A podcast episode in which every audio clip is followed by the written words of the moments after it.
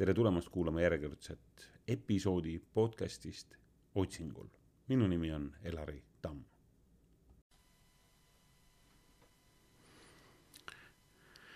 selline mm -hmm, podcast Otsingul.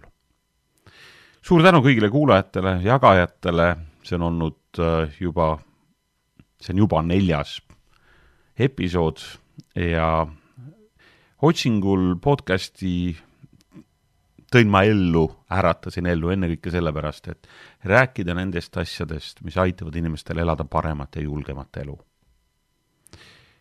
sa ei pruugi kõigega nõustuda, mida ma selles podcastis räägin, minu meelest see on täiesti okei okay,, aga kui sa hoiad avatud mõtlemise, siis hea de-, debatt või terve debatt ja erinevad arusaamad on tegelikult osa täiskasvanuks olemisest ja kriitilisest mõtlemisest.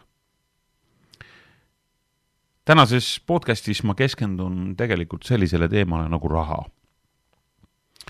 raha ja jõukus, ennekõike siis seda läbi siis taas judeokristliku maailmavaate.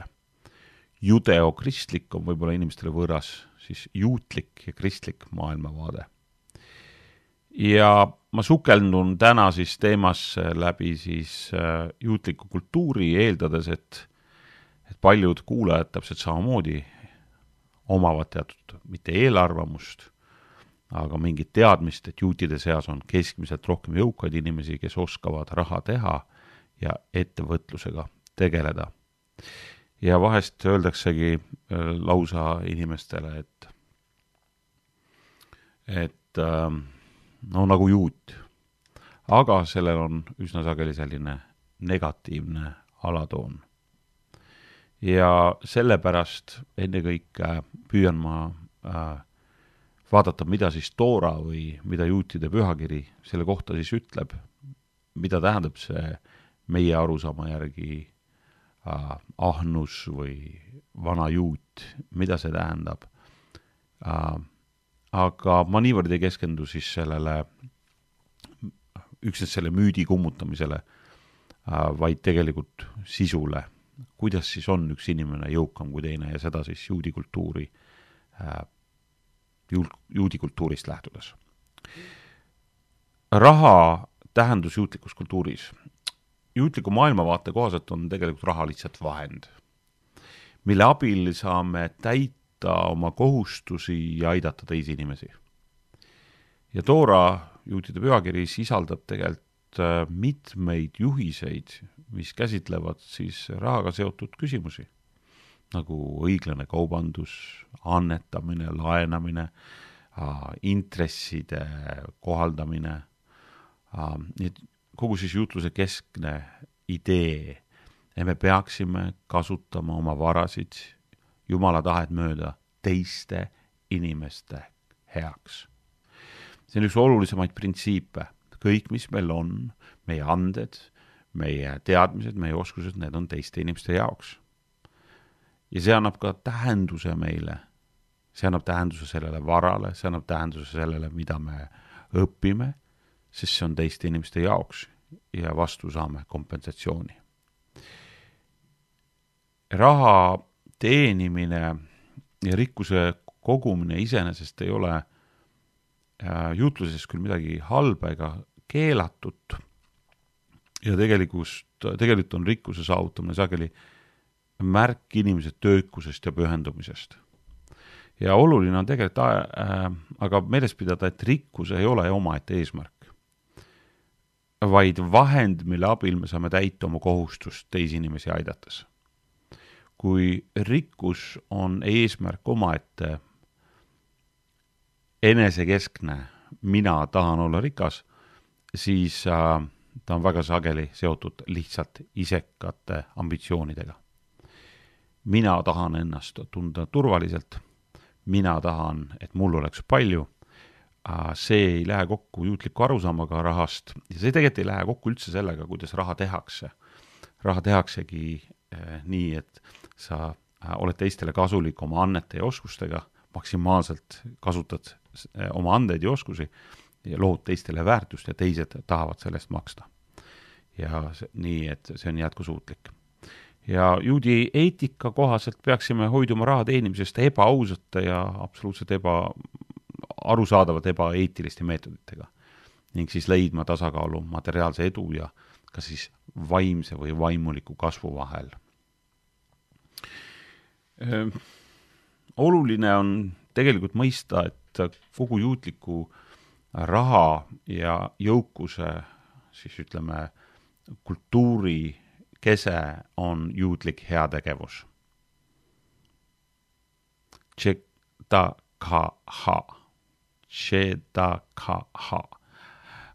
on juutlik heategevus, mida peetakse üheks kõige olulisemaks kohustuseks juutluse praktiseerimisel see loomulikult ei puuduta siis, siis mitte juuti, see ei puuduta justkui ka mitte kristlast või ateisti või gnostikut või keda iganes, aga ta puudutab tegelikult äh, suures osas seda, kuidas maailm päriselt käib.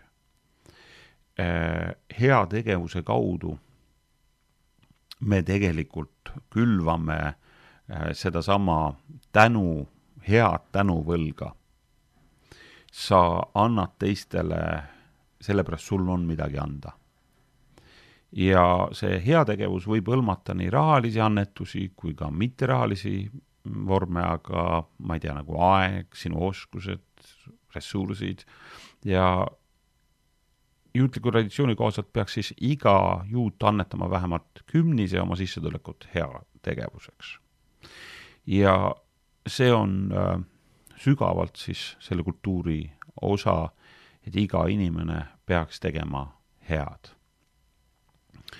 sageli aetakse segamini heategevus ja sponsorlus. sponsorlus on see, kui sa siis äh, ootad midagi ka vastu. sa ootad, et keegi äh,, kui sa ütled, et äh, annad raha, siis ütled, aga ma tahan, et mu nimi ära märgitakse, ma tahan, et äh, äh, te, ma ei tea, teeksite mulle mingi heateo vastu, või siis on heategu ja heategu iseenesest on äh, tegu, mis aitab teist inimest ja ei oota midagi tagasi. sellepärast, et heateo tegija teeb heateo teadmata, et kas ta saab midagi tagasi või mitte, ta teeb oma parima arusaama kohaselt head teisele inimesele.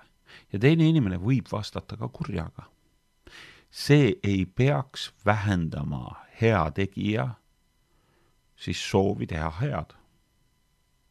võib-olla mitte otseselt sellele inimesele, aga hea teo tegija ei oota tagasi mitte midagi, ei head ega kurja, vaid ta teeb seda isekatest ambitsioonidest siis sõltumata, mitte selleks, et saada head tunnet seda ei pruugi alati head tehes saada, nii et see on selline oluline kontseptsioon kogu juutluses, teha head. kõik inimesed peavad head tegema ja point on selles, et kõigil inimestel on midagi anda ja kõikidel inimestel on äh, mingi rikkus, mingi kogemus, mingid mm,, mingid jõukused, mingi, ütleme siis, on see siis materiaalne või ajaline või, või mingid äh, muud ressursid ja saad neid siis inimestele jagada edukad ettevõtjad juutluse, juutlikus kogukonnas äh, paistavad ikkagi ennekõike silma tohutu töökusega. Äh, tarkuse ja siis pühendumisega, mis on siis otseses kooskõlas juutluse põhimõtetega.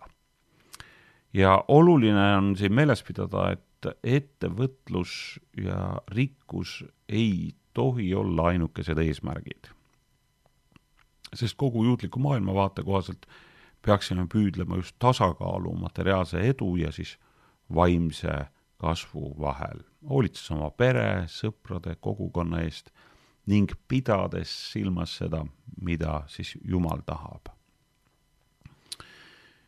Juutlikus traditsioonis on väga palju erinevaid õppetunde, äh, mis võivad meid just juhendada või aidata raha ümberkäimisel. Ja ilmselgelt on täna üsna populaarne rääkida nii investeerimisest kui, kui säästmisest äh,, aga mulle tundub, et ennem kui me sageli peaksime jõudma nii säästmise kui äh, investeerimise juurde, me peaksime kõigepealt mõistma raha tähendust aga mõned siis juutliku õppetunni, juutlikud õppetunnid rahaga ümberkäimise kohta, näiteks õiglane kaubandus. Mm, juutluses rõhutatakse väga ausat ja õiglast kaubandust, mis kaitseb nii ostjaid kui ka müüjaid ja peaks vältima siis pettust, ülekohut, ebaausat äritegevust. ehk siis kui raha ei ole eesmärk omaette, siis äh, eesmärk, mis siis on omaette eesmärk? eesmärk omaette on teise inimese aitamine, väärtuse loomine ja sealtkaudu selle kompensatsiooni saamine, mis iganes siis valuutas. on see siis rahas või natuuras, kartulid, porgandid või, või kuidagi nii. nii et õiglane kaubandus on üks olulisemaid printsiipe juutluses. teine on võlgade andestamine või võlgadest lahti ütlemine, juutlikud seadused näevad ette, et võlad tuleb siis, äh, võlgade, võlad tuleb nagu siis kustutada iga seitsme aasta tagant, et siis aidata vaesematel inimestel majanduslikult toime tulla ja vältida pikaajalist võlakoormust. ja nüüd üks väga huvitav, mis nüüd puudutab juute isekesk-, isekeskis ennekõike, on intressivabad laenud. juutliku seaduse kohaselt ei tohiks siis juutid teistelt juutidelt intressi võtta. see ei puuduta nüüd siis mittejuute, see põhimõte toetab siis sellist solidaarsust ja ühtekuuluvust kogukonnas ning aitab vähendada majanduslikku ebavõrdsust nii et raha ja rikkuse mõistmine juutlikust maailmast või maailmavaatest lähtuvalt tähendab tegelikult nende kasutamist Jumala tahte, tahet mööda ja teiste inimeste kasuks. Ja need juutlikud väärtused julgustavadki see ettevõtlust ja töökust, kuid rõhutavad samas vajadust hoida tasakaalu materiaalse edu ja ka vaimuliku kasvu vahel.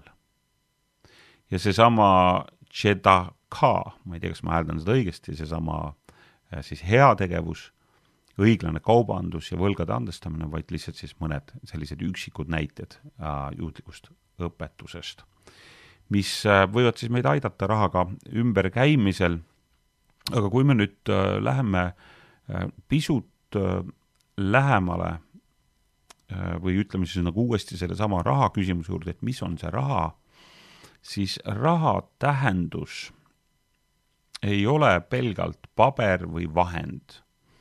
arusaadavalt ta on, ta on vahend, mille abil me saame täita oma kohustusi inimeste ja teiste ees, aga juutlikus arusaamas on ikkagi rahal ka selline vaimne tähendus, mitte religioosne tähendus, aga vaimne. mitte siis käega katsutav ja see on siis ennekõike arusaadavalt, arusaadav selliselt, et, et kahe inimese vahel toimub tehing.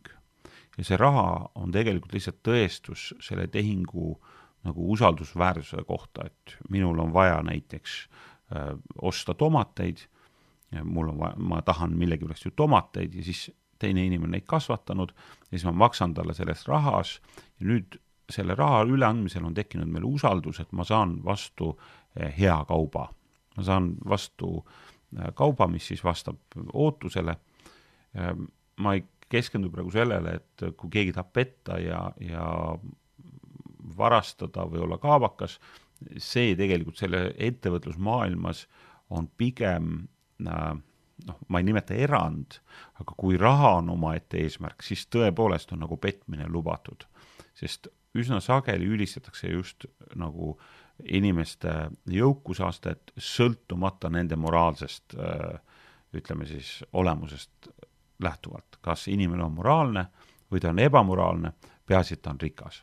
aga juutlikus kultuuris see ütleme siis Toora kohaselt või juudi pühakirja, piibli kohaselt niimoodi olla ei saa. nii et need on, need on need põhimõtted, mis puudutavad siis raha mm,. aga raha ei, ei ole ju ainult lihtsalt nagu käibevahend, ta on äh, juudi kultuuris pigem hea, nagu ma ütlesin, aitab inimestel saavutada, neile saavutada eesmärke äh, endale ja teistele inimestele ennekõike, aga nüüd toon uue termini sisse nagu jõukus. ja juutide äh, siis arusaama kohaselt on nii, et jõukuse tähendus no ütleme nüüd nagu vastand, jõukuse vastand ei ole heebrea keeles vaesus, vaid kurjus. Ja kurjus sellepärast, et seal, kus on väga vähe jõukust, seal, kus on väga vähe anda, seal on siis mitte vaesus, aga seal on kurjus, seal on isekus. mul ei ole mitte midagi, see on isekas või mul on palju, aga ma teistele ei jaga. ja seetõttu ongi oluline meil mõista, et jõukus, see on ennekõike avatus. Sul on, mida jagada, ma ei räägi siin suurtest summadest või et jõukas inimene on ainult see, kellel on palju raha, vaid inimene, kellel on, kellel on siis, kes on kogunud läbi siis arukuse või tarkuse endale ja teiste teenimise just nagu arukuse, tarkuse äh, teiste teenimisel, teiste aitamisel, ettevõtluses ja on saavutanud mingi jõukuse taseme. nüüd tal on väga palju rohkem jagada. ja jõukuse saavutamine on ju olnud inimkonna püüdluse keskmes aegade algusest peale.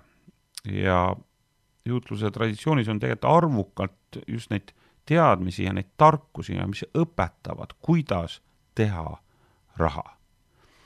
E, üks huvitav asjaolu, kuidas teha raha inimeste, kui me räägime, kui vaatame erinevaid keeli, siis uurisin just hiljuti ühelt hispaania keelt kõnelevat äh, sõbralt, et, et kas hispaania keeles sõna raha tegema, raha võtma, raha võitma, et äh, kas see kõik on üks termin, ta ütles jah, põhimõtteliselt küll. mis siis tähendab seda, et kui eesti keeles on raha tegema ja heebrea keeles samamoodi raha tegema ja, ja inglise keeles making money olemas või need eksisteerivad, siis äh, need kultuurid, kus need terminid on olemas, on ka oluliselt selgem inimestel või arusaadavam, selgem, et raha tehakse, raha ei võeta. raha ei võideta ja nendel riikidel läheb oluliselt paremini, kus see mentaliteet on just nagu sedapidi, et me teeme raha, me ei võta raha ja kuidas siis seda raha teha teiste inimeste aitamiseks ja äh, nagu ma ütlesin, siis juudid õpetavad, kuidas siis raha teha, inimesi aidata, jõukust kasvatada, jumala tahet mööda, see on see oluline printsiip kogu juutluses äh,. Juutlus ei ole ju äh, pelgalt rahvus, juutlus on tegelikult äh, kultuur ja elamise viis. ja kuidas siis see iidne juutlik tarkus äh, juhatavad siis äh, seda jõukuse kasvatamist mm,? üks oluline pool ongi seesama töökus või töö ja ettevõtlus juutlikus traditsioonis. Eestlane on ka väga töökas, eestlasele meeldib tööd teha, aga ta on väga sageli nagu enesekeskne. ma teen tööd, sa teed seitse päeva nädalas sa pingutad hirmsasti, noh, see on selline tõde ja õiguslik töökuse vorm, aga, aga töö, mis ei ole nagu eesmärk omaette, äh, vaid töö kui äh, tähendus. Inimene, kes tööd ei tee, teeb rumalust. ja me lihtsalt ei tee tööd selleks, et raha saada äh, ja elada, vaid me teeme tööd selleks, et olla teistele inimestele kasulikud väärtuslikud. omame midagi ja saame seda jagada. vaadake, see ongi nii, et sul on midagi inimestele jagada, kui sa selles palju harjutad, kui see on väärtuslik teistele inimestele, siis tegelikult selle tulemusel äh, see, mida sa omad, paljuneb. See on lihtsalt juba loodusseadus. Nii et töö ja ettevõtlus on juutlikus traditsioonis alati olnud väärtuslikud, Toora õpetab, et inimene peaks töötama ausalt ja pühendunult ja olles samas teadlik oma vaimsest kasvust, kas ma ka, inimene on hing, ihu ja vaim, kas ma ka vaimu pooles, äh, poole pealt kasvan. no vot, see võib nüüd mõnele kuulajale olla võõras, aga see on nüüd siis juutliku arusaama üks tugipunkte. Äh, juudid on just sajandeid olnud tuntud kui edukad kaupmehed ja ettevõtjad ja selline ettevõtlusvaim ja püüdlused jõukuse poole on siis juutlusega absoluutselt kooskõlas, kooskõlas ja seda tehakse siis eetiliselt ja jumala tahet silmas pidades. no keegi võib muidugi öelda, et näed, tegin äri ühe juudiga ja siis sain, sain äh, petta. tegelikult, mida me peaksime siin siis nagu tähele panema, et see küsimus ei ole ju selles, et et kõik juudid oleks siis, siis hirmus moraalsed ja, ja kõik inimesed on väga noh, kuidas ma ütlen siis noh, et kõik juudid on kohe väga moraalsed või kõik kristlased on kohe väga moraalsed või ka agnostikud kõik on moraalsed, see pole tõsi, on inimesi, kes väidavad üht ja siis käivad mingit teist teed, et ehk siis ma pean selle remargi korras ütlema, et see, et keegi ütleb, et ta on juut või kristlane või agnostik ja ta on väga moraalne inimene, et siis see ei pruugi nii tegelikult loomulikult äh, tema tegudes väljendada. juutlik traditsioon pakub tegelikult arvukalt neid teadmisi ja, ja vaatame mõningat, mõningatele teadmistele siin peale.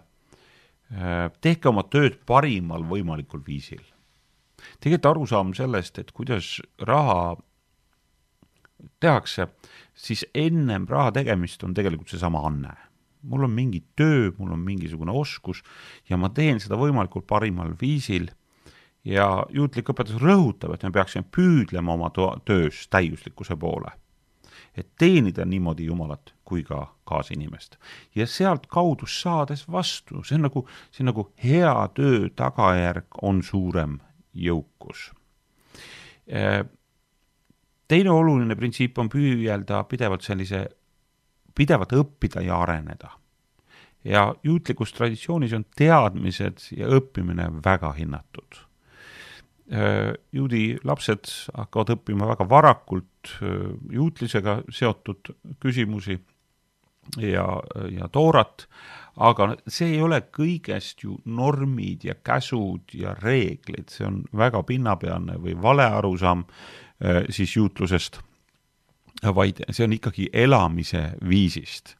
ehk siis see, kuidas äh, üks inimene äh, peaks elama, et ta oleks, tal oleks hea elu.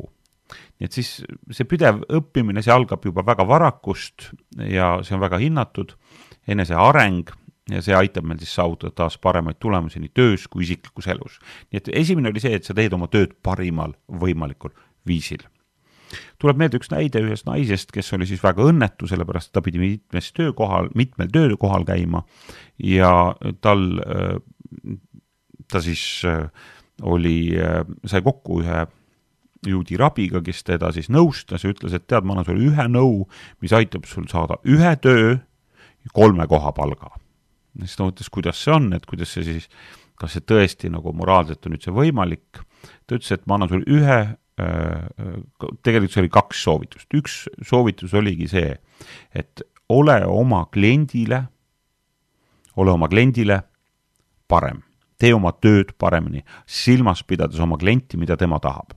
noh, kuna ta oli siis kassapidaja, siis tema kujutas ette, et tema klient on see inimene, kes siis äh, seal, seal leiba ostab, saia ostab, piima ostab ja rabi ütles, et ei, tema ei ole su klient. ütles, kuidas ei ole, et noh, tema läheb mu eest läbi, et ma olen tema jaoks siis väga hea et äh, Rabi ütles, see ei ole otseselt vale, aga tegelikult milles küsimus on, küsimus on selles, et see inimene, kes äh, sulle palga maksab, on tegelikult sinu klient. ja kui ta sai aru, et tema klient on tegelikult see, äh, kes talle palga maksab, ta teab selle kliendi ootusi paremini, mis tema tahab ja tema tahab, et tema klientidega, need, kes ostavad leiba-saia, selle poodi on tulnud, käitutakse väga hästi et pakutakse väga head teenust ja ollakse rõõmsad ja ta andis teise vihje talle, et kui sa seda oled mõistnud, siis naerata, naerata oluliselt rohkem.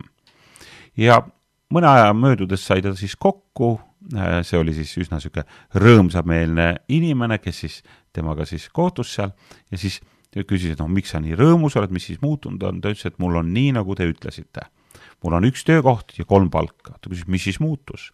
ta ütles, ma sain kõigepealt aru sellest, kes on mu tööandja ja teiseks ma sain aru, mis tema minult ootab. ja ta ootab minult absoluutselt parimat teenindust ja nii ta saavutas siis selle parima võimaliku. nüüd ähm, üks oluline siis tarkus veel ja see on see, et ärge kartke riskide võtmist. no riskitaju on inimestel väga erinev, aga põhimõte on tegelikult äh, juutluses väga sügav, inimene äh,, äh juutlus julgustab inimesi olema ettevõtlikud ja innovaatilised. seda me näeme nii ka täna juutlusest, kui me näeme ka seda äh, Jeruusalemma või Iisraelis äh, tegutsevatest äridest ja me näeme nende valmidusest olla keskmisest äh, ettevõtlikum. ja riskide võtmine ja uute võimaluste otsimine võivadki olla siis viia jõukuse ja õitsenguni. Äh, jõukuse saavutamine, mm, see on osa Jumala soovist inimese elus. See ei ole nüüd selline juutlik, äh, ütleme siis selline prosperity või edu arusaam või te-, teoloogia, vaid see on siis osa elust, et kui inimene tegutseb äh, siis mingis valdkonnas väga aktiivselt ja äh, ja ta on selles päris hea, ta areneb, ta otsib võimalusi eristumiseks, siis tegelikult ta saavutab ka teatava edu seal. see ei ole küsimus ainult ju äh, rahas, raha on küll väga hea asi, aga raha ei peegelda alati jõukuse suurust. sest jõukus ei ole ainult rahas mõõdetav, vaid on mõõdetav, kui head mõju sa oma jõukusega äh, välja elad.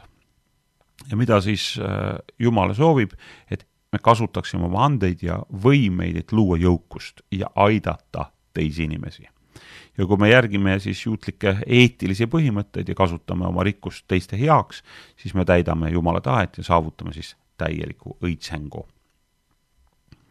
nii et kokkuvõtteks jõukuse saavutamine, selle kasutamine teiste aitamiseks on juutlikus traditsioonis olulised väärtused.